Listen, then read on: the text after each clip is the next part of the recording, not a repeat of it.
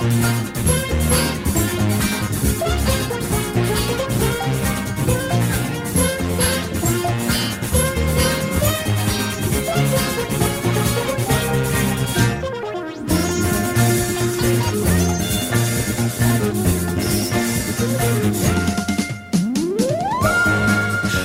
mig at starte dagens program med et kæmpestort.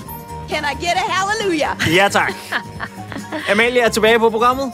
Yes. Dejligt at have dig Genopstået fra sygesengen. tilbage i studiet. Mm. Øhm, og i øvrigt, så velkommen til Bremer og Bladet mod Rov-programmet, der findes lige der, hvor sport møder politik, korruption og ellers bare almen rådenskab i Ja. alle dens afskygninger. Helvedes foregår. Lige præcis. Nå, Amalie, du er tilbage. Ja. Hvordan er har så- du det? Jamen, jeg har det godt. Altså, jeg har det øh, som en, der lige er blevet opereret i 11 timer for et par uger siden. Ja, det blev du jo så øh, også. Så lidt rusten, øh, men, øh, men godt i stand til at sidde her og snakke med dig i en time. Og det er så dejligt at være tilbage. Perfekt. Og i øvrigt, øh, stort tak til Sandy, mm. som jo vikarierede, øh, mens du øh, lå og tog dig til maveskinnet. Og virkelig øh, steg op på, øh, på moralens høje hest og redde dig ud af. Det var øh, fremragende at følge med hjemme fra, fra sygesengen. Det var helt perfekt. Øhm, men nu er vi tilbage, the original cast, Yes, i, øh, i og- studiet. Og hvilken uge at være tilbage i, vil jeg sige, mm. øh, for, for mit vedkommende. Altså, der har været Danish Rainbow Awards, som jeg ved, du går meget op i, Tue. Ja, for dulen da. Øhm, Jeg prøvede engang at blive årets laks. Det lykkedes aldrig. Nej, det lykkedes aldrig. Øh, min øh, invitation må være gået tabt i posten, men det tager vi en Og anden du er gang. simpelthen ikke blevet inviteret. Nej, nej, nej, Det er nej. benhårdt. Øhm, hvad hedder det? Men altså en prisuddeling, der hylder øh, LGBT plus øh, Ja. miljøet. Og her der vandt øh, Pernille Harder sportsprisen for, Mhm. for sin positive indflydelse på, på LGBT plus rettigheder over hele verden. Mega, mega sejt, øh, hvad hun gør, ligesom står frem og er den, hun er. Og så vandt vores allesammens Victor Fischer prisen Ja. som årets hetero. Altså en straight ally, en, øh, en Det er heteroseksuel faktisk det, der person. engang var laks. Det, var, det er det, Han der tager min laks. Okay, men det er før min tid. Han tager din laks. Ja. Øhm, og altså, en, øh, en hetero, som, øh, som gør sit for, for kampen mod homofobi, og det er jo tu, altså, en pris, som vi virkelig bare kan slå ring om, uanset hvem vi holder med. er det Jamen, ikke du har det? glædet dig så meget til det her.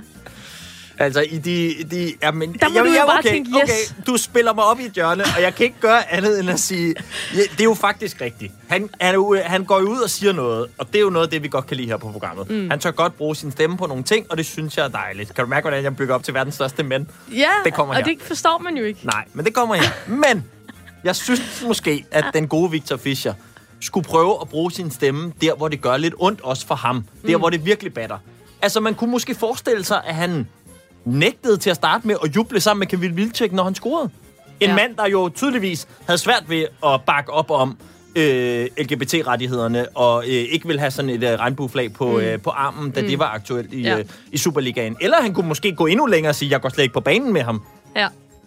Jamen, Der synes er- jeg ikke, der har været så meget. Det er mere det der med at stå på en scene og få en pris. Der kan han godt komme den dag. Jamen, der er han der jo. Ja. Der er han der, den gode gamle. Men, øh, men okay, det er givet videre herfra, øh, fra en tidligere årets laks til en, der, der er blevet det i år. Øhm, Jeg blev ikke årets slags nogensinde. Nej, men altså, vi ja, ja. vil så gerne. Øhm, til gengæld, Tue, så, øh, så tænker jeg, at vi skal hoppe videre. Ja. Og, øh, og så lad os lige tale lidt om, om ham her. Nej, hvor er det sindssygt! Det er sindssygt! Fuck, hvor er det sindssygt! Ja. Fuck, hvor er det sindssygt. Øh, manden bag det her ikoniske stykke fodboldkommentering, han er fortid på dansk tv. Det er jo Peter Gravlund. Det er Peter Gravlund. Øh, han er blevet fyret, efter det kom frem, at øh, han har luret lidt på noget dobbeltjob. Ja. Øh, to hatte har han siddet med, den gode mand fra Aarhus. Øh, jeg ved ikke, om han er fra Aarhus, men han har spillet i Aarhus. Ja. Øh, han optræder nemlig på øh, DBU's agentliste. Mm. Det, det var nyt for mig, at der er sådan en liste på DBU's hjemmeside over alle agenter. Men, men den kan man godt faktisk hygge sig lidt med at kigge på en gang Det kunne jeg godt forestille mig. Der var alt godt for havet. Der er nemlig alt godt fra havet, og det kommer vi sikkert også tilbage til i det her program. Men, øh, men udover at han optræder på den her liste, Peter Gravlund, så står han lige pludselig på et billede med en AB-spiller. Ja. Markus Hannestad, der havde fået en, øh, en ny kontrakt med OB, ligesom han øh, også havde deltaget i et møde mellem FC Nordsjælland-spilleren øh, Magnus Kofod og den, øh, øh, eller hans agent.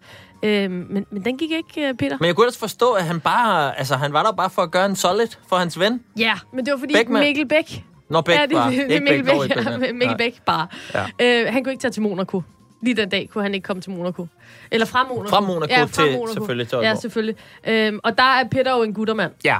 Og så hopper han lige i bilen Ja. ja. og kører til Aalborg og giver thumbs up øh, med Markus Hannestad på Instagram. Ja, og så er der så tvivl der om, hvad er det egentlig, han lavede på det billede? Var han der vidderligt bare som sådan en form for, altså ligesom når der bliver fyldt statister ud i tomme stole til Oscar-udstillingen, når nogen går på toilettet, som Ja. han ligesom prøvede at foreslå, det var nærmest bare det, min rolle var det, ja. Eller var der måske også en lille smule rådgivning øh, ind over det, ikke? Ja, er vi, er vi i gang med en lille, en lille oplæring hos øh, Mikkel Bæk? Er det sådan en, en junior? Det, han er måske mig i Mikkel Bæks firma i virkeligheden. En junioragent, der lige kommer ud og får de chilleren opgaver. Ja. Øhm, men altså, det, det gider de ikke hos, øh, hos Nent, øh, som er dem, der, der sender øh, dansk fodbold. De siger, at, øh, at det er altså ikke sammen... Øh, hvad hedder det? Det kan man ikke. Man mm. kan ikke både være ekspert hos dem og være øh, agent. Så derfor så er, øh, er Gravlund altså blevet fyret og kommer Så ikke til at komme til at mere fodbold. Ja.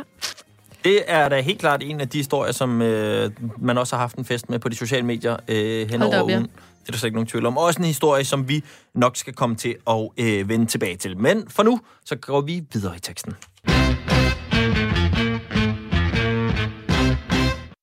For vi skal tale Katar. Fordi en af de aller, aller største sportshistorier i de her år, det er jo selvfølgelig historien om Katar, der er blevet tildelt VM i fodbold i øh, 2022. Det fokuserer vi på her i programmet, og øh, vi har jo især bidt os en lille smule mere øh, ned i det her med, at der er slavelignende forhold for rigtig mange migrantarbejdere, som har været tvunget til at leve under de her forhold, mens de har øh, bygget de stadion, som alle fodboldfans i verden så skal stå og øh, have en fodboldfest på til øh, 2022. Og vi, vi to, vi har jo snakket om, hvordan forholder man sig som fodboldfan? Ja. Øh, hvordan forholder man sig som, som fodboldfan, som elsker VM, som er det største? Øh, og så er det lige pludselig VM i Katar, hvor der er mennesker, der, der simpelthen har bygget den her slutrunde op under fuldstændig kummerlige forhold. Øh, så, så lad os høre fra jer derude. Hvad tænker I om, øh, om alle de her uhyreligheder? Og har I tænkt jer at se med, når der kommer VM fra Katar? Send en, øh, en sms herind øh, på 1424, starten med R4, så et mellemrum, og så din besked. Vi hører meget gerne fra jer. Hvad tænker I derude? Skal I se med fra Katar? Endelig, øh, lad os høre fra jer i øh, sms-indbakken. Øh, mens I skriver, så snakker vi lidt videre. Fordi jeg har jo så besluttet mig for, at nu må vi her på programmet til at have nogle svar. Fordi vi har haft masser af anklager. Vi har haft øh, forskere, der ved noget om, hvordan de her øh, kafala slavesystem, som mange af de her migrantarbejdere har arbejdet under, hvordan det fungerer. Vi har haft øh, Amnesty-rapport oppe og vende, hvor de påpeger, hvordan at Katar igen og igen, selvom de lover, øh, at det bliver bedre, alligevel stadig ikke får øh, fikset de her ting. Men nu må vi have nogle svar fra nogle af dem, der så er ansvarlige. Så jeg tænkte, vi skal have fat i ham her, som hedder øh, Hassan Al-Tawadi. His Eminence. Lige præcis. Øhm, som jo er Head of Qatars World Cup Organizing Committee, og dermed chefen for det hele, når det kommer til VM i fodbold i Katar. Det der VM i fodbold i Katar, er det det, der går under navnet Best World Cup Ever? Det er det, der nu er blevet døbt Best World Cup. Okay, ever. jeg skal bare lige være med. Ja. Det er bare fordi alle slaverne er det, så vil man måske tro, det ikke var... Men nej. Nej, de tweeter også med på det, hvis du bare spørger FIFA. Så, Okay. så når de lige har en pause, dem har de ikke mange af i byggeriet, men nej. når de har, så tweeter de også med på det hashtag. Woo, hvor er det bare the best, det her ever. Altså, Best slave life præcis. ever. Ja. Nå. Mhm. Øh, men jeg må bare sige lige indskyde, mm-hmm. at øh, når jeg har ligget hjemme øh, på langs øh, i sofaen og lyttet med, mens dig og Sandy har været i gang, så har det her altså været øh, fuldstændig himmelsk, den her følgetong med dig og, og Miss Laura, der har talt i telefon sammen uge efter uge. Det er, øh, hold da Ja. op et team, I er. Øh, fuldstændig fremragende arbejde. Jamen, jeg savner også lidt Laura, som jo er øh, telefondame hos FIFA, som var en af de mennesker, jeg øh, kom til at tale med i sådan helt den her telefontango, jeg har været i gang med, mm. hvor jeg har forsøgt at oprigtigt få et interview med øh, Mr. Øh, Hassan Al-Tawadi, eller i hvert fald i første omgang få formuleret og få videreformidlet, at vi godt kunne tænke os mm. at komme i kontakt med ham. Jeg føler jo lidt, Laura, hun er jo, altså, hun er jo en af os efterhånden. Altså, når vi skal holde julefrokost, Ja, så og vi er jo en meget lille redaktion, så vi kan jo godt tillade os at invitere lidt udefra, uden Helt det går ud over noget corona eller noget. Der tænker jeg, at Miss Laura, hun lige får en, en mail. Jamen, alt den snak om Miss Laura, jeg synes lige, vi skal have hende så. FIFA Grüezi, min name ist Laura. Hi, Laura. This is Tue. I'm calling from Danish Radio. Yes, Hello. hi. How are you? I'm fine, thank you. Hi, that's good. Um, I'm calling from the Danish radio show Bremer and Bledel uh, mod Rov, and I'm trying to get in contact with a press officer because I'm trying to reach Yeah. the uh, head of uh, World Cup. And I, your Okay. your nice colleague just uh, transferred me, but nobody picked up the line. Oh, I give you also the direct number because it's a hotline, so Okay. I'm allowed to give you the direct number. Thank you. It's uh, 0041 yes, please. 43 Mm-hmm. 222 Yes. 7272. Okay? and I will try 7272. to put you through. Okay, and Laura? My name is Laura. Yeah, you're, you're Laura. Yeah, thank you. Um, are you um, are you familiar with? Are you going to watch the World Cup in uh, Qatar ne- next year? yeah, of course I will, but I'm not allowed to do any state. No, no, no, no. I was just wondering. I was just wondering, with all the modern slavery and stuff, you know, is that going to be a problem Ah, for you? okay. Not a, yeah, we are not. But anyway, I will. I will try to put this through our media uh, department, and uh, Perfect. yeah.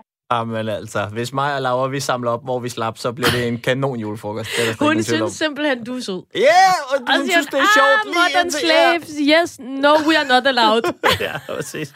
Det gik fra øh, tophyggeligt til, øh, jeg sender dig videre nu. Nå, not allowed, blev der sagt. men jeg vil faktisk sige, at altså, efter at have prøvet hende, og prøvet nogle af de der velgørenhedsorganisationer, som øh, Tawadi han også er øh, en del af, så må jeg konstatere, at jeg kommer ikke lige længere i det her spor lige nu. Og han Nej. svarer ikke på min LinkedIn-anmodning, og han svarer ikke på mine mails. Har du, prøvet, du har prøvet at connecte? Ja, Okay. så det hele er sådan lidt op ad bakke. Ja, igen skuffer LinkedIn. Der må jeg bare Ja. sige. Altså, kan, kan det Var det noget? det, de skulle? Ja, altså, for... Connecting people in business.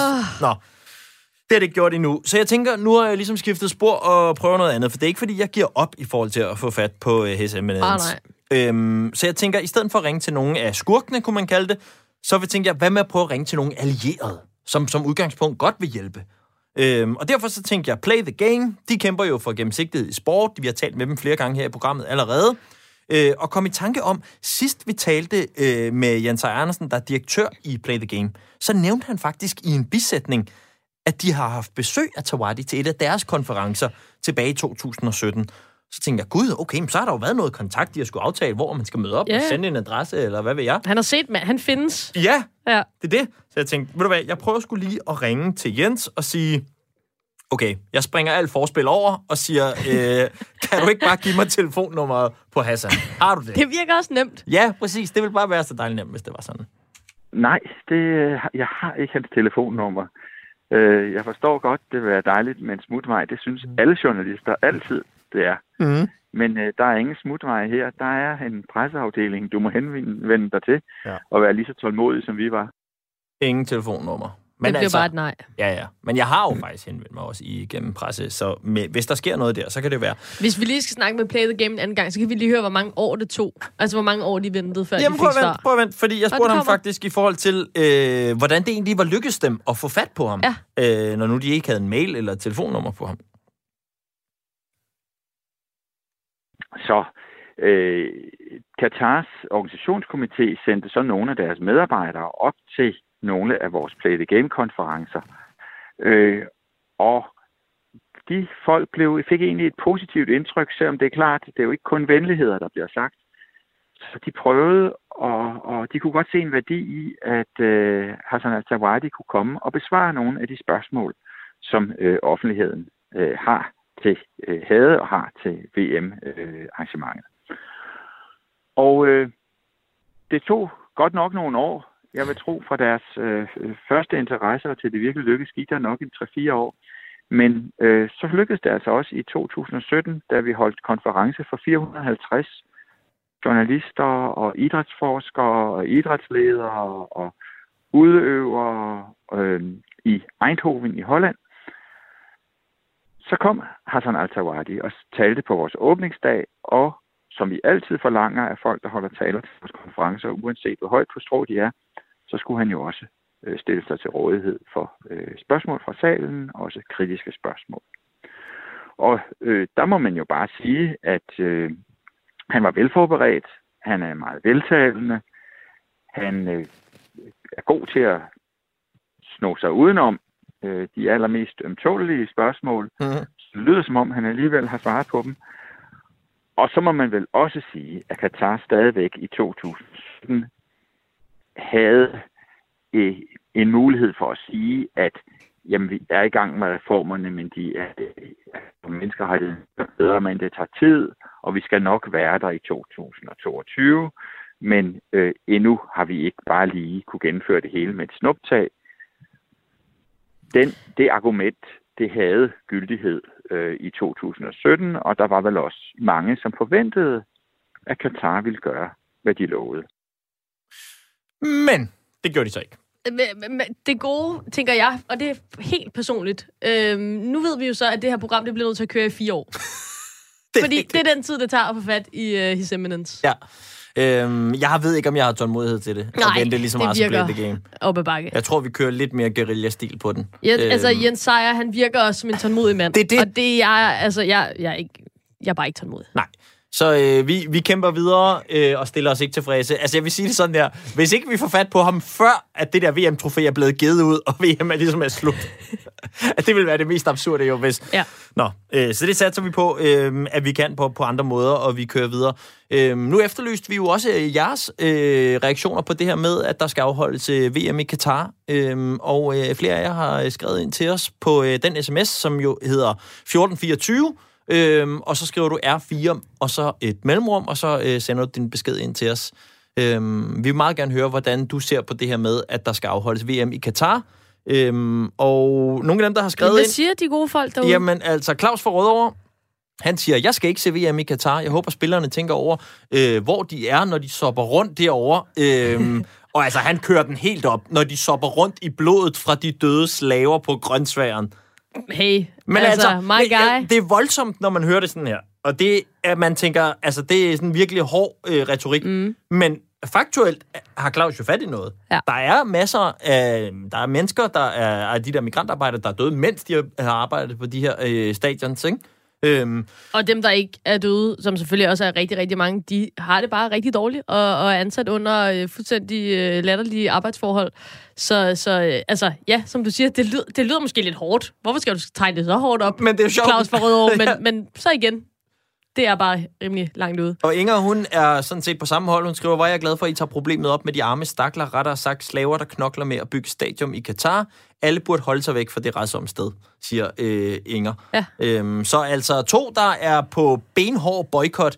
Øh, og jeg må sige, jeg, altså, jeg vil ønske, at jeg kunne være lige så klar i mailet, som de mm. er, men jeg er der ikke helt endnu. Øh, jeg håber stadig, at vi på en eller anden måde kan få Katar i tale, ikke kun her på programmet, men ligesom som verdenssamfund, og at de viser, at der er nogle større reformer på vej, som bliver kørt ind sådan lidt sammen med VM i fodbold. Jamen, jeg kan godt høre, Nå, hvordan nå, jeg men det er jo det, som, naiv, som, men- som FIFA også siger, og som DBU også dækker sig ind under, hvor man siger, at vi tager ud til de her steder, som måske ikke er ligesom os, og så er der noget, der, som vi kan være med til at vise. Ja. Som vi kort sagde, vi kan tage en kvindelig fysioterapeut med, og så bliver forholdene for kvinder i Katar du meget, meget på bedre. Team Vihors der shit.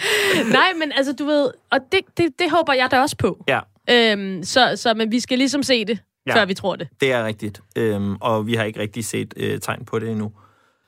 En anden ting, jeg godt lige gad at øh, spille for jer, det var øh, noget andet, som øh, Jens der fra øh, Play the Game, øh, han nævnte, og det er, at øh, Tawadi og øh, committeen i Katar ikke er de eneste, der ligesom har gjort det her med at tjekke dem lidt ud på forhånd i hemmelighed, før de rent faktisk mødte op til Play the Games øh, konferencer. Jeg kan lige prøve at øh, høre, hvad han fortalte her.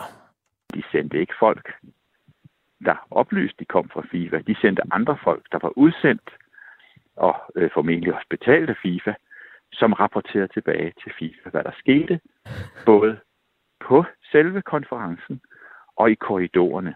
Vi var endda ude for, at en af FIFAs stærkeste kritikere, Andrew Jennings, den engelske journalist, hvis bøger jeg stærkt kan anbefale, selvom øh, det er nogle år siden, han har udgivet nogen.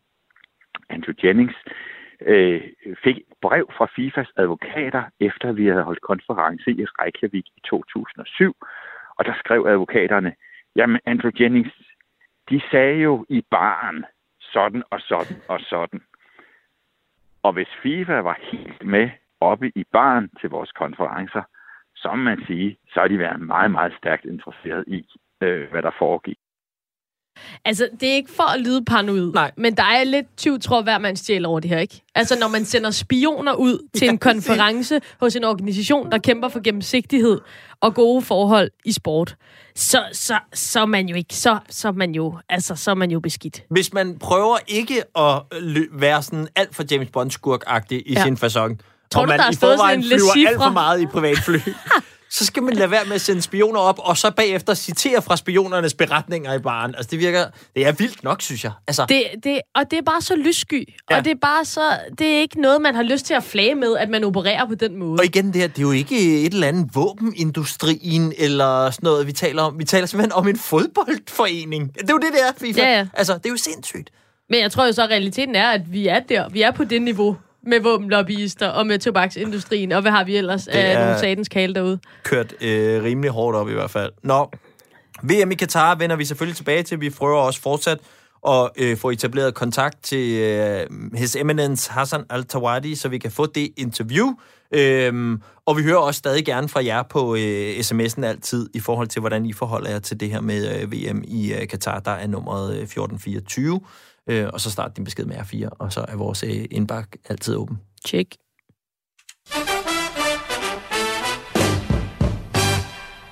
Noget af det, der fyldte meget i programmet øh, sidste uge, øh, Amalie, det ved du også øh, lyttede med derhjemmefra, det var jo det her med sexisme, især i elitesport. Ja. Vi havde forsøgt at øh, kaste noget lys over. Øhm, og vi hørte fra øh, rigtig mange øh, kvindelige sportsstjerner om, hvad de havde oplevet eller ikke oplevet i øh, forhold til øh, sexisme. Og en af dem, som øh, fortalte øh, sine oplevelser til os, øh, det var øh, triatlet Camilla Pedersen. Ja, altså, øh, det har jeg nu, når der er forskellige former for sexisme, men, men det er jo meget det der med, at der bliver, der bliver tit gjort lidt forhold mellem mænd og kvinder. Øh, jeg kan da huske tilbage, da jeg startede i 2010, øh, der vandt jeg jo allerede Europamesterskabet første gang i 2011, og i 2012 blev jeg nummer to til verdensmesterskabet, og jamen, jeg vandt faktisk rigtig mange ræs. Så jeg tænkte, okay, jeg arbejdede også fuldtid på det tidspunkt, så jeg tænkte, jeg bliver nødt til at prøve at finde nogle sponsorer, så jeg kan leve af det her. Fordi at jeg kan ikke holde til at arbejde fuldtid, og så stadigvæk have et fuldtidsarbejde som professionel atlet. Så, øh, så jeg søgte og søgte og brugte rigtig meget tid og energi på faktisk at søge sponsor, og jeg fik rigtig mange øh, nej. Og der var også øh, flere, der faktisk sagde til mig, at jamen, havde, jeg været, havde jeg været dreng eller mand, så havde jeg nok fået ja med de resultater, jeg havde leveret. Men de var sådan lidt, ah, jeg var jo kvinde, og de vidste jo aldrig, hvornår jeg blev gravid, og, og så jeg var jo lidt mere utilregnelig som sådan, end, end de synes, en mand ville være. Øhm, og det er selvfølgelig et, et, det fedeste slag at få, øh, når man har resultaterne med sig, at det så bliver gjort forskel. Og, og jeg hørte også flere sige, jamen, det kan godt være, at du øh, lå nummer et på, øh, blev nummer et til, til EM, og øh, nummer to til VM, men havde det været en dreng eller en mand, øh, var han blevet nummer 10 eller top 10, jamen så havde vi nok sagt ja. Og det, og det sagde de simpelthen til dig? Ja, det gjorde det. Jeg, jeg synes, det er vildt. Altså, og, og så ved jeg jo godt, at der er nogen, der vil sige, at der er mange former for øh, sexisme, og det her det er jo ikke et overgreb eller en fysisk krænkelse osv., men hvis man lige tænker over det, det her det er en person, som alene på grund af sit køn, altså man, skide har man er dygtig til sin sport, alene på grund af sit køn, får hun ikke mulighed for at dyrke det og vise sig frem. Og skal Øh, finde sig fordi i at blive kaldt. utilregnelig. Ja, præcis. Altså, øh, Det er jo vildt nok. Og det er ting, det er en ting er, at det, hvis det var noget, hun fandt ud af, at de sagde bag hendes ryg, men det, det har været så åbenlyst, at ja. det har de haft det helt fint med at sidde og sige til hende. Ikke? Jo, og det er jo det her med den her kultur, som man snakker om, hvor det ikke bare er enkeltstående tilfælde, men hvor der simpelthen er Øh, ligesom, der, der er en kultur, hvor det er okay at sige. Det kan en, en, en sponsor, øh, sponsor, sponsor, hedder det, godt tillade sig at, at stå og sige over for en kvindelig atlet, uden at der bliver gjort noget ved det, fordi er jo bare sådan, det er. Og så her i ugen, øh, der er gået, der er jeg så kommet i kontakt med en anden øh, kvindelig øh, atlet, som også har mærket det her med sexisme fra sponsorsiden, øh, men på en lidt anden måde. Fordi at øh, her i ugen, så er jeg kommet i øh, snak med en øh, dansk øh, basketballspiller, som hedder Sofie Tryggesen, som er professionel øh, basketballspiller, spiller på det danske kvindelandshold. Øh, lige nu spiller hun i professionelt i Belgien. Tidligere har hun blandt andet spillet på øh, college i USA, i Colorado, i en del år. Og, øh, og der oplevede hun altså også det her øh, med, at øh, der kunne være sexisme ikke fra øh, trænere, men fra øh, sponsorer. Vi lige prøve at høre, hvad hun har oplevet her. Jamen, jeg synes egentlig, at det er, det er bare meget generelt, det sker, at, at, at en sponsor vil, øh, altså, vil altid komme, vi havde en tradition med, at efter kampene vil, vil sponsoren altid komme ned på gulvet og snakke med os, og det er egentlig en rigtig fin måde at connecte med sponsorerne på, og det, var en, det kunne også være meget hyggeligt. Øhm, men der var bare mange af de her sponsorer, der var, altså, der var creepy. Øh, når de kom hen, så ville de altid have et kram, øh, og vi står der så efter en kram, så at, altså, det kan man sige, det går mere over dem, end det går over os, men det er heller ikke alle fremmede mænd, man har lyst til at stå og kramme som 19 til 24-årig. Øh, men, men ja, de vil komme hen, give et kram, og, og så mens man har en samtale med dem, vil de holde øh, en hånd på ryggen, og gerne helt ned ved lænden, og gerne på vagn. Øh, vil altid stå af en lidt. Øh, og man prøver jo så pænt, som man kan, at træde lidt væk, fordi man ved også, at de sponsorerer virkelig mange penge til, at jeg kan stå her i dag. Øhm, men det er, at man prøver at træde væk, øh, og det kommer så langt til, at altså, det blev lidt en joke i omklædningsrummet, at vi hjælper hinanden med at, altså, at øh, løbe væk fra de her sponsorer. De, når vi så en af de creepy komme hen mod os andre, så prøver vi at distrahere og øh, prøve at undgå, at, at, at de creepy kunne snakke til os. Øhm, og det er selvfølgelig ærgerligt, at det skal være sådan, men det var, det var bare sådan en naturlig del af de der postgame øh, situationer, at at der ville bare være en, en, en hånd på lænden og røven, og på, at der var et blevet lidt æde, og det var et tæt kram. Jeg havde en, en holdkammerat, der fik at vide, at hun ville øh, af en sponsor, at den her sponsor ville ikke kramme som et som bogstav A, men han ville gerne kramme som bogstav I. Øh, så han ligesom ville have, at, at, altså, at underlevende, at de var sammen. Øh, og det er igen bare, det er helt unødvendigt i forhold til, at, at jeg er basketspiller, og det er en sponsor, der skal betale for, at, at jeg spiller basket. Det burde ikke, have, det burde ikke være omkring, øh, hvordan vi ser ud, eller at øh, vores tøj sidder tæt, eller at vi skal kramme tæt efter kampen. Det burde slet ikke have noget med det at gøre. Det burde have noget at gøre med, at vi kan snakke om kampen. Øh, og, og der burde ikke være mere i det, efter min mening i hvert fald. Oplevede I, altså, stod de virkelig inde på banen, og så, øh, så røg der lige en hånd ned på røven? Ja, ja. Altså, ofte så var det sådan en, så gav de et kram, og så, du ved, den ene hånd, den var bare efterladt lidt på ryggen, og så ærede den lidt nedad.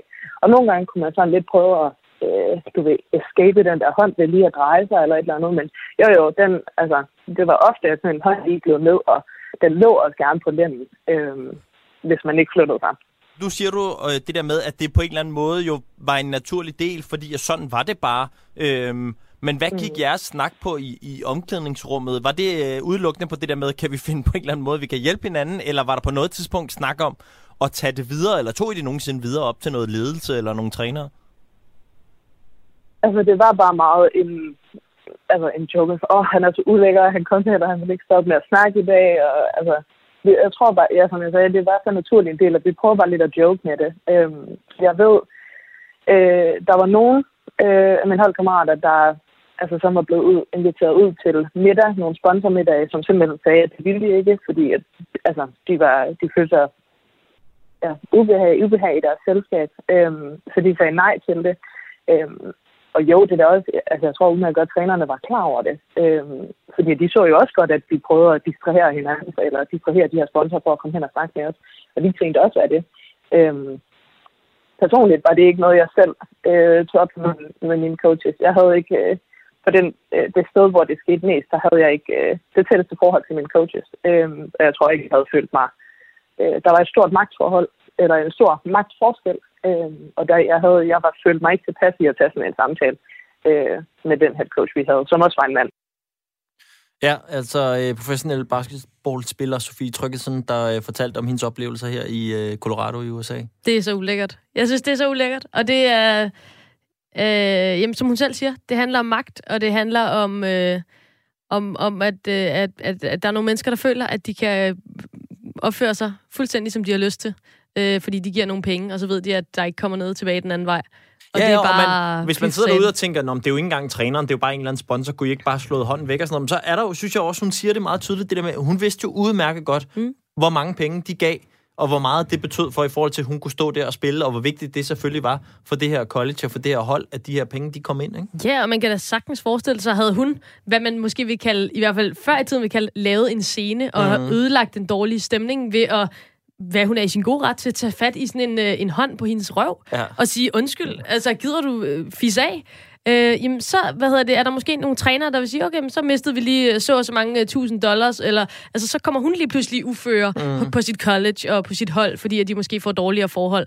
Øh, så det er virkelig en klemme på de her kvinder, og det er det, der gør det så ubehageligt at høre om. Og jeg lovede i øvrigt øh, at sige fra øh, Sofie, at øh, hendes oplevelser, altså hun synes jo slet ikke, det er lige så gralt som for eksempel det, hun oplevede Sofie Linde fortælle. Mm. Øh, men hun synes også, at de mindre situationer, jeg synes nu, det her er rimelig gralt, men altså hun siger selv, at hun synes også, at de her mindre situationer skal nævnes, fordi det er med til at give et billede af, hvor ofte øh, sexisme øh, sker. Ja, og det er med til at give et billede af den kultur og den natur, som sexismen har, som jo er på rigtig mange planer, hvor man ligesom kan, kan udøve den her magt, øh, eller mænd kan udøve den magt, som, som der er i det her tilfælde, og det er jo bare, ja, det er rigtig ubehageligt at høre om. Men, øh, men altså, det er jo også fantastisk, at folk stiller sig frem og fortæller om det. Absolut. Øh, så øh, tak for det.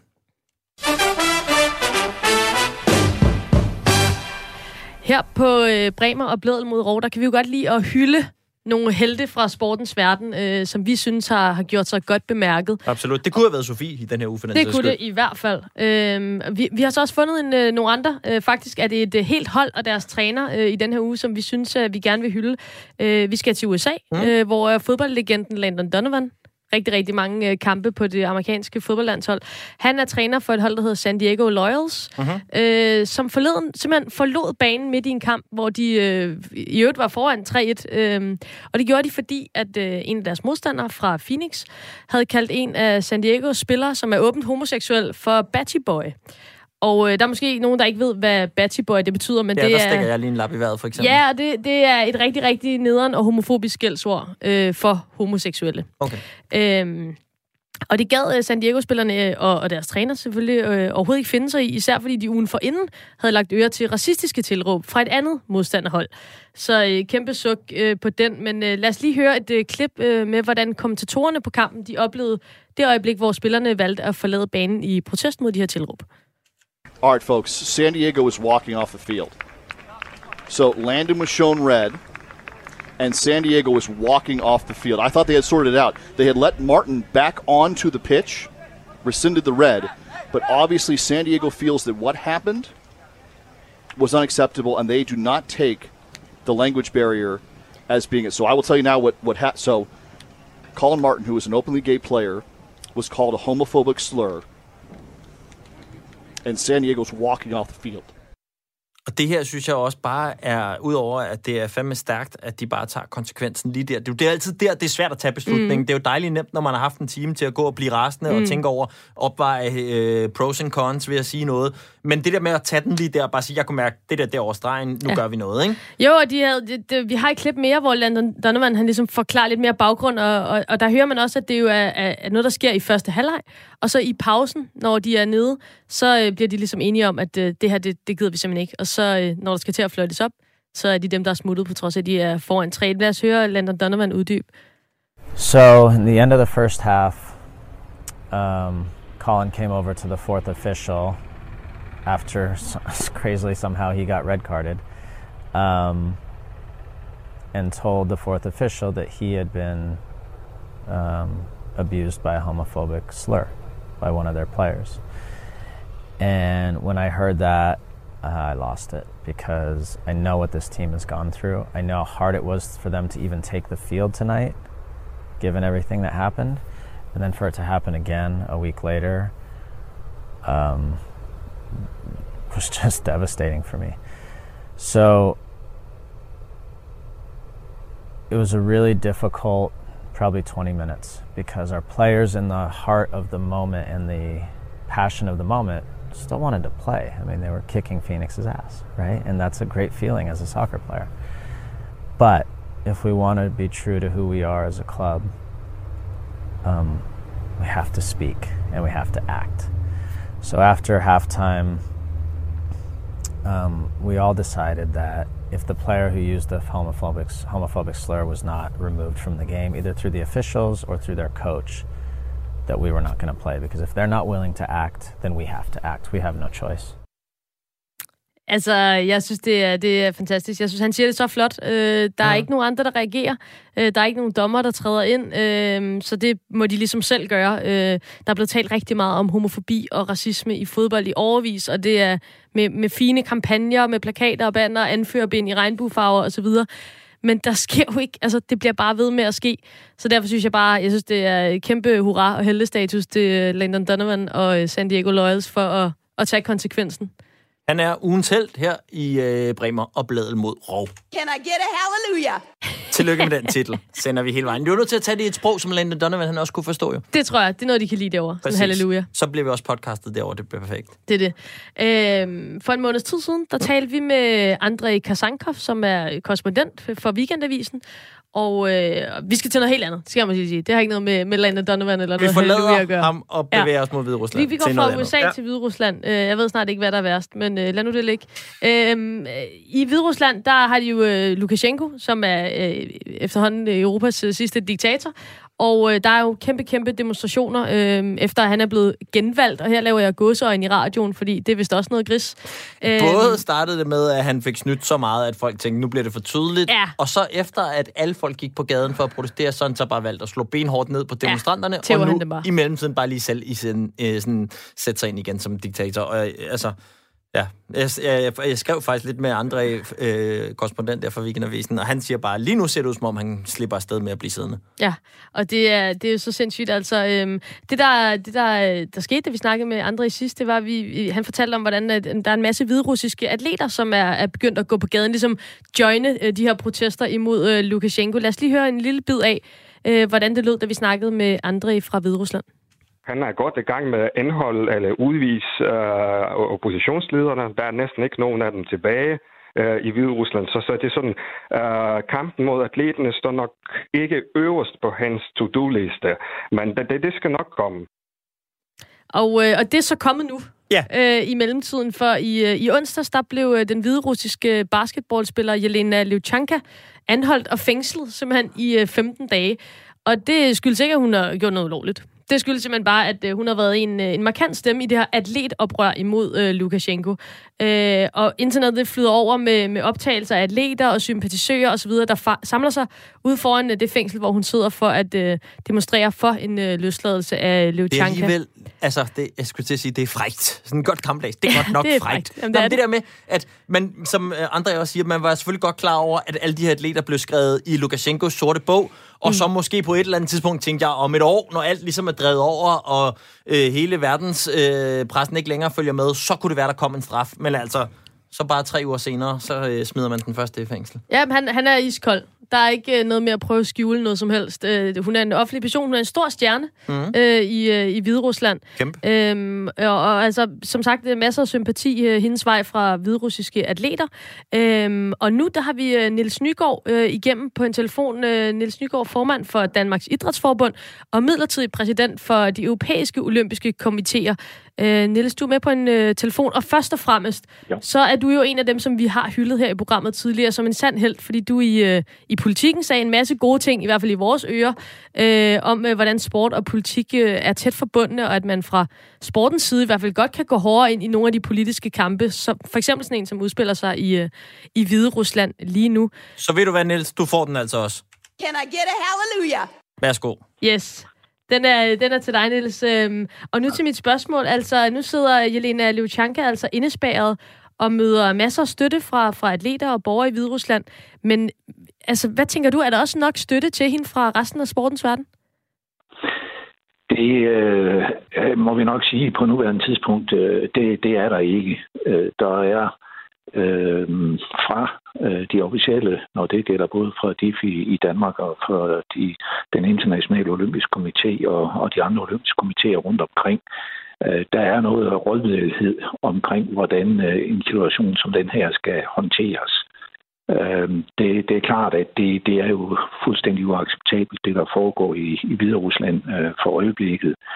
Øh, men hvordan øh, sportsverdenen skal øh, ud og udtrykke sympati med atleterne og de atleter, der bliver øh, forfulgt osv., øh, så, så har vi ikke lige i PT øh, fundet løsningerne på, hvor, hvor, hvordan øh, en situation som den her skal håndteres. Niels, må jeg lige høre, hvad tænkte du egentlig, bare lige sådan lige umiddelbart, da du hørte om det her første gang? Jamen, øh, jeg øh, tænker at, at det, det er jo en helt speciel øh, situation med Hvide Rusland, hvor præsidenten ovenikøbet også er præsident for den olympiske øh, komité, og præsidenten er omdrejningspunktet for rigtig mange af de øh, idrætsaktiviteter, der foregår i, i Hvide Rusland. Og, og, og derfor er den her øh, situation jo, jo helt speciel.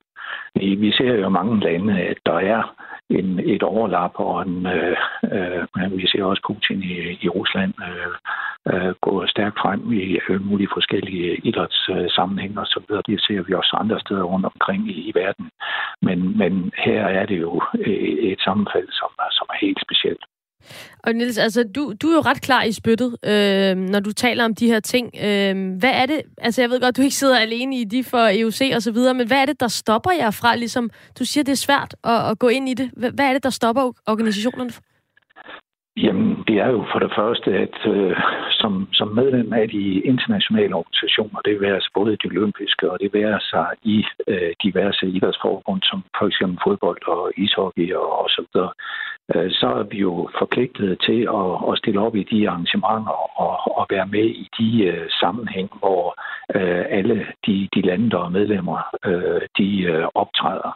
Og som situationen er for øjeblikket, så er øh, den øh, hvide russiske olympiske komité et fuldgyldigt medlem af den olympiske familie, ligesom øh, ishockeyforbundet og fodboldforbundet og så videre også er, er medlem der. Det vil sige, hvis, hvis vi øh, det enkelte land går ind og laver en aktion imod det, eksempelvis øh, bliver væk fra arrangementer øh, i, i Hvide Rusland, jamen så, så vil det få uoverskuelige konsekvenser, øh, for eksempel for, for DBU. Hvis, hvis de øh, ikke stillede op til et arrangement, jamen så bliver de udelukket fra øh, alle europamesterskaber og, og VM og så videre mange år i fremtiden. Øh, så, så derfor er vi jo nødt til at arbejde på i første omgang de indre linjer for at finde nogle veje til at håndtere den her situation. Det er desværre ikke en situation, vi kan håndtere øh, individuelt øh, i de enkelte lande. Øhm, altså, tidligere, der, der snakkede du med, med Claus Elgaard i, øh, i vores øh, portrætprogram her på Radio 4 Fremkaldt, øhm, hvor, du, hvor du også fortæller, at så længe landet er, er anerkendt af EU, så kan man fra sportens side ikke gå ud og lave sin egen politiske dagsorden, men nu er det faktisk sådan, at EU har indført en række sanktioner imod Hviderusland. Rusland. Åbner der så så ikke en dør for sporten, som kan komme på banen og sige, okay, nu kan vi også gøre noget? Jo, altså jeg vil sige, hvis, øh, hvis Danmark går hen og laver en øh, total boykot af Hvide Rusland, og siger, at vi øh, øh kammer de diplomatiske forbindelser, de handelsmæssige forbindelser, de kulturelle forbindelser, jamen så er idrætten selvfølgelig også med. Så, øh, øh, så, så er vi øh, med øh, sammen med alle mulige andre sektorer. Men vi er jo altså ikke derhen endnu, hvor man fra dansk side, eller øh, EU's side, eller FN's side har gået ind og, og lavet en total boykot af, af Hvide Rusland. Og, og der øh, for ikke at, at skulle ind og, og lave en vurdering i hver enkelt tilfælde. Altså, hvornår er, er vi gået over grænsen? Altså, det, det er jo klart, at det, der foregår i Hvide Rusland i et øjeblik, er fuldstændig uantageligt. Men der er jo også ting, der foregår i Rusland, som vi absolut ikke har det godt med. Der er også ting, der foregår i Kina, som vi absolut ikke har det godt med. Der er ting, der foregår i Katar, vi absolut ikke har det godt med. Og, og der er det så spørgsmålet, hvor, hvor er det, vi sætter øh, den streg? Og for øjeblikket, der sætter vi altså stregen der, hvor øh, når der er tale om en total boykot fra dansk side, fra europæisk side, fra FN's side, jamen, øh, så, så er vi selvfølgelig med. Men, øh, men, men vi, vi, Ja. Må, må jeg spørge, altså bliver det ikke også at sætte barn meget højt, før vi kan reagere så? Altså hvis, hvis vi først reagerer, når nærmest hele verdenssamfundet boykotter et land, så, så er det jo uhyre sjældent, vi nogensinde kan reagere. Altså hvad hvis man bare tog noget andet fra værktøjskassen, end at sige, vi møder ikke op til nogen sportsstævner hos jer. Hvad med bare en officiel udtalelse fra jer om at sige, øh, altså nu smider man også atleter i, øh, i fængsel. Øh, det, det tager vi øh, dyb afstand fra. Jamen, og den, øh, den udtalelse, den øh, kommer vi meget, meget gerne med, fordi det tager vi meget stærkt øh, afstand fra. Og, og der, der skal ikke være nogen tvivl om, at, at vi med, med de ting, der, der sker her, er, er dybt øh, uenige og, og tager stærkt afstand fra det, ligesom øh, når man øh, i, i øh, Rusland ikke vil øh, kører med homofobiske øh, tiltag og så videre. Det tager vi meget øh, stærkt afstand fra. Så det, det skal der ikke øh, være nogen tvivl om. Øh, der hvor øh, det jo ville batte noget, om man tog må sige, det var jo, hvis vi så sagde, jamen vi, vi tager ikke til Hvide Rusland og deltager i nogle arrangementer. Det gør vi så jo ikke, ikke lige for øjeblikket, rent sikkerhedsmæssige årsager. Men øh, når eller hvis situationen bliver mere øh, rolig i Hvide Rusland igen, øh, så, så vil vi jo blive stillet og spørgsmålet, jamen skal vi så blive væk fra Hvide Rusland, øh, når man har øh, en øh, diktator, der øh, er kommet til på den måde, han nu er. Og der, der er det, at vi, vi har ikke i de vise sten med hensyn til, hvor præcis er det, vi sætter øh, den øh, grænse henne. Øh, og, og, og derfor i hvert fald indtil videre har, må vi vælge at sige, at vi sætter grænsen der, når der er tale om total boykot, så er vi selvfølgelig også med. Øh, det med at gøre os til smagsdommer om lige præcis, hvor på listen vi er henne, og ud af de 206 lande, som der samarbejder på idrætsplan, på verdensplan, er der 20 af dem, er der 10 af dem, eller 30 eller 50 af dem, som vi ikke kan eller vil øh, samarbejde med. Det er en enorm øh, svær øh, skælden at, at komme ind i. Ja, det, selvfølgelig er det svært, øh, men, men du er også, altså, siger jo også her, at, at, at, øh, I fordømmer, og, og siger det også øh, i, i dit interview i politikken. Altså, men det er også lidt som om, at aben bliver sendt lidt videre på en eller anden måde. Øh, altså, vi snakkede med, med, med formand for, for Dansk Ishockey Union, øh, og, og næste år, der er VM i ishockey i Hvide Rusland, hvor, hvor Danmark skal med øh, umiddelbart, hvis det ellers er, er, er sikkert at være derovre. Øhm, og han siger jo også, at han synes, det er svært for en øh, union at stå i den her situation, og siger ligesom, der må være nogen oppefra, der gør noget. Det kunne jo for eksempel øh, være jer. Prøv lige at lytte med, øh, hvad han sagde. Jeg synes også, det er en lille bitte smule uretfærdigt, at, at, at vi kommer til at stå i den her situation, fordi vores eget land, vores eget regering, handler jo og har dialog med, med Hvide Rusland. Men så kan vi nogle gange få spørgsmålet, mm. hvad vil I overhovedet over? Øh, og det er ligesom om, at øh, vores etik og moral skal være højere end vores eget lands. Øhm, og, og når I nu nævner, at Letland, det er jo altså også deres øh, statsminister, som har været ude at sige, så er det ligesom kommet op på et andet, øh, anden hylde. Altså, hvis nu Mette Frederiksen ringer til mig og siger, at jeg skal ikke spille i Hvide Rusland næste år, jamen så sender jeg ikke et hold afsted. Nej.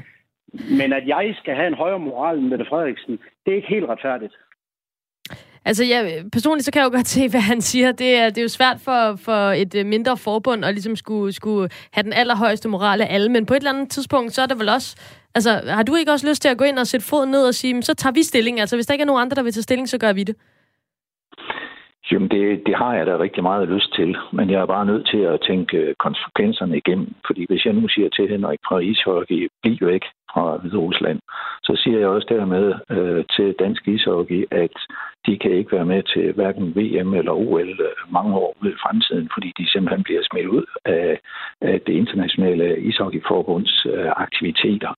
Og der har de øh, en masse landsholdsspillere, en masse klubber og har haft lavet en kæmpe aktivitet i dansk ishockey igennem en lang årrække, og ligesom rustet sig til, at de forhåbentlig kommer med til OL næste gang i øh, ishockey. Og alle de øh, spillere, som har det som en kæmpe ambition, skal de så bare smides ud på, på gaden, fordi vi, vi har behov for at øh, og, og markere, at nu vil vi ikke være med længere. Så, så det ansvar påtager vi os jo også, øh, hvis det er sådan, vi skulle øh, træffe en, eller komme med en sådan henvisning eller henstilling. Vil du være, Niels Nygaard, øh, tusind tak for, for din input her, øh, og også en, en forsigtig afstandstagen, som jeg hørte det i hvert fald, den tager vi øh, med i baglommen. Ja, Niels, du kan godt lige prikke en nede på pressekontoret på skulderen og sige, ved du hvad, skal vi ikke lige sende den pressemeddelelse ud, hvor der bare står, vi tager afstand? Ja, det synes jeg. okay, det var ikke et nej. Det var ikke et nej. Selv tak, Niels. Niels Nygaard, formand for øh, Danmarks Idrætsforbund og midlertidig præsident for de europæiske olympiske komitéer. Tusind tak, fordi du var med her. Selv tak. Således, ja, altså, jeg synes faktisk, man kan bare mærke, hvad det er for en kattepine, de sidder i. Ej, Både er de små bare forbund og også Niels, ikke? En smal sti, man skal gå på. Nå, øhm, ja, vi skal bare også fordi... lige nå at runde... Nå, du har noget... Nej, nej, det er bare lige en aller sidste kommentar, jeg bare ja. lige vil knytte. Altså, man kan... Måske tolker jeg, fordi at jeg også er opportunist, men jeg synes bare, man kan høre det bobler ind i Nils. 100? Øhm, og, og, og, så kan han ikke... Han kan ikke rigtigt. Og det er synd for ham. Eller også så vil han bare gerne have, at vi lidt føler... Nej, jeg synes faktisk også med de udtalelser, som du refererer til i politikken, det er da helt tydeligt, hvor han står på det. Øh, men som han siger, det er bare sådan en lang lavine af ting, så der skal virkelig være noget opbakning, før man gør det. Jeg siger, vi skal til at have gang i nogle politikere. Mm. Det er helt tydeligt. De bliver alle sender aben den vej, så må vi følge aben, som man siger, de gode gamle journalistiske ordsprog. Og vi skal også lige nå at snakke om noget andet i programmet. Øh, tu, kan du huske øh, Patrick Nielsen? Altså ham, der øh, engang var bokser, men så blev rocker. Ja. Eller, altså, han blev, ikke, altså, han blev medlem af den humanitære og stærkt antiracistiske organisation Satudara Motorcykelklub. Det kan jeg love dig for, at jeg kan huske, at han stod der i en af de der veste, og så fik rodet sig ud i sådan noget med, at for ham handlede det om deres stærke antiracistiske mm. holdninger. En slags øh, venligboer på en tunet knallert. Meget mere, end det handlede om deres stærkt, stærkt kriminelle øh, historik. Og øh, nu er han øh, poppet op i mediebilledet igen, øh, og det er sjovt nok ikke, fordi han er rocker. Nej, Nej. Han har været med i øh, Fangerne på Fortet. Ja da. Og lad os øh, lige høre, hvordan øh, han blev præsenteret i øh, den forbindelse. Men kan YouTuberne klare sig mod de hårdt slående boksebrødre Miki Der er begyndt at komme lidt nerver på, ikke? Jeg er spændt. Og Patrick Nielsen? Altså, Miki og Patrick De Nielsen, boksebrødre. boksebrødre, ja. Øh, så altså generelt lækkert afsnit TV3 har strukket sammen her øh, til den yngre målgruppe, som det tydeligvis er henvendt til. Altså det er et, et hold af tre YouTubere, som, øh, som kæmper mod et hold, der består af Satudara-rocker øh, Patrick Nielsen, Dennis bror, som vist nok er kendt fra et andet TV3-program. Det er åbenbart sådan, de holder bare ja. hånden under familien Nielsen, hvis der skulle være noget der. Og så lige krydret med Sugar Dater Gina Jacqueline, Øh, som altså, øh, det er TV3, der lige øh, øh, eksponerer de unge seere for nogle øh, helt kernesunde værdier der. Så er der altså bare frit valg på rollemodelshylden. Jamen altså, og jeg er sådan lidt, hvad foregår der? Altså, jeg, nu, vi har jo været inde på det før. Ja, ja, det og det, helt- altså, helt danske medier, de elsker farlige drenge, ikke? Jo, og, det er og, det. Altså, BT's øh, pressemeddelelse havde nær sagt, jeg tror, det var meningen, det skulle ligne en artikel, men Ja. altså, det var jo med, med pressebilleder af, øh, af Patrick Nielsen, der, øh, der melder sig ind i uh, Satudara. Altså, hvad, hvad laver de? Det er det, der er så håbløst ved det. Det er jo, at det er, øh, der er helt tydeligt er masser af kliks i, at vi jo alle sammen kender ham fra sin tid i boksning. Nu er han så bare gået over i en kæmpe kriminel organisation, og så bliver vi bare ved med at skrive om ham, som om han bare havde skiftet bokseforbund. Altså, Jamen, det, det er så skørt, og det er vidderligt, altså TV3, jeg går ud fra, at man får løn for at øh, være med i Fangerne på Fortet, ellers så forstår jeg i hvert fald ikke, at der Ellers er får nogen, de der... nok besøg af nogle af hans Satudara-brødre, hvis de ikke betaler. Jamen, og der, der, der giver de simpelthen penge til en, øh, et medlem af, altså en straight-up rocker fra en af Europas blodigste rockerklubber. Så synes jeg også, det er vildt, det der, du fortalte mig i dag på redaktionen med, at selv øh, Dansk øh, Bokseforbund eller Union, ja. har, har, har, de har smidt ham ud. De har faktisk taget konsekvensen. Nå, men der, der er ingen øh, kære mor. Altså, øh, Danmark, øh, Dansk Professionel Bokseforbund, øh, altså, Patrick Nielsen har ingen fremtid der, øh, efter han er blevet optaget i Satudara. De har en, øh, en formand, god mand, altså kandidat til held, vil jeg sige. Er klart. Øhm, Jesper D. Jensen hedder han, øh, og han siger til, til TV2 Sport i sommer, da det kom frem det her med, med Patrick Nielsen og, og venligboerne på motorcykel. Så Dengang BT han, øh, breakede pressemeddelelsen. Ja, præcis, ja. præcis. Øhm, han siger, jeg vil ikke bande, men jeg tager kraftigt afstand fra hans valg. Det er hans valg, men han har så valgt, at hans fremtid ikke er professionel boksning, i Danmark i hvert fald. Han har ikke haft licens i et år. Når han ikke har licens, kan han selvfølgelig ikke bokse. Det næste spørgsmål er så, hvad hvis han søger licens? Jamen, så vil vi bruge paragraf 5, hvor der står, at man bringer boksning i miskredit. Og det har han jo gjort, så er der ingen licens. Ja.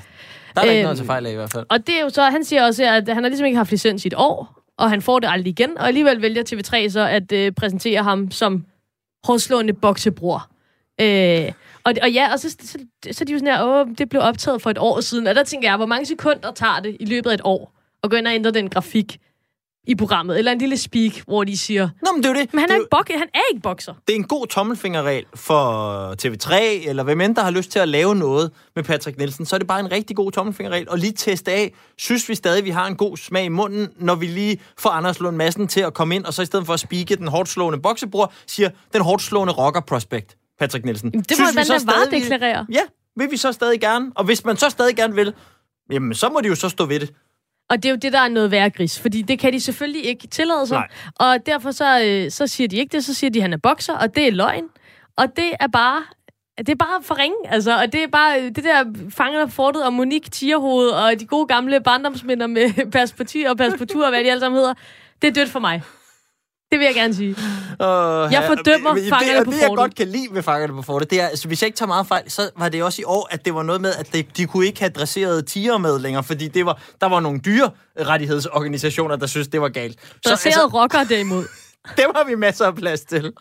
Jamen hold kæft, hvor er det dog. Altså, hans eget forbund, de vil ikke røre ham med en ildtang, men så er det jo godt, at øh, TV3 står klar til at spytte lidt i uh, rockerkassen. Super samfundssind. Tak for ingenting. Ja, han siger det selv, Patrick Nielsen.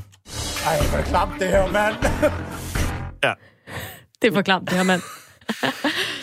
Jamen, øh, det blev mere eller mindre det sidste i øh, dagens program, Amalie. Jamen, altså, vi, øh, jeg synes, det har været en begivenhedsrig uge igen. Øh, det har været dejligt at være tilbage for mig personligt. Mm. Øh, og ligesom dykke ned i alt det her. Altså, man bliver jo Altså, man bliver jo glad, fordi at det er dumt, men det er også bare så sørgeligt. Altså, så mange åndssvage ting, der Jo, foregår jo. i sportens verden. Men tænk nu Donovan, ikke? Lad os Ja. fokusere på ham. Lad os gå ud på ham. Han var da en kæmpe held, ikke? Ja. Og Sofie og de andre, der har stået op i hele det her MeToo og sådan noget. Jeg synes bestemt også, der er Præcis. noget at øh, kippe lidt med øh, optimisthatten på. Og så, og så føler jeg altså, at vi fik nogle små øh, brødkrummer fra Nils Nygaard fra DIF. Ja, men det er altså, rigtigt. han er en dude, som, som hvis vi virkelig får, får tændt op under ham, så føler jeg også, at, øh, at han godt kan levere. Ja, men altså, øh, jeg vil for evigt huske ham for dit citat. Det bobler i Niels. Det tror jeg. det, det tænker jeg, at det gør. Jamen, det, det, Øhm, altså umiddelbart, så, øh, så synes jeg, der, der er masser at bygge videre på. Jeg ved jo også, at vi har øh, nogle t-shirts øh, i trykken. uh, ja. Øh, vi kan ikke sige for meget. Nej. Vi Men- kan dog sige, at vi har kastet os over i, altså måske den, den måske mest hårdest ramte coronaindustri nogensinde, fashionindustrien. Der bevæger vi os pludselig ind nu Ja. og er i gang med at få trykt slogans på et t-shirt. Og man kommer til at se på de t-shirts, at der ikke er nogen af os, er designer. Men det er lige meget. Fuldstændig. Det kommer til at være udsagnet, der tæller. Vi siger øh, tak for den her gang, og vi lyttes ved i næste uge.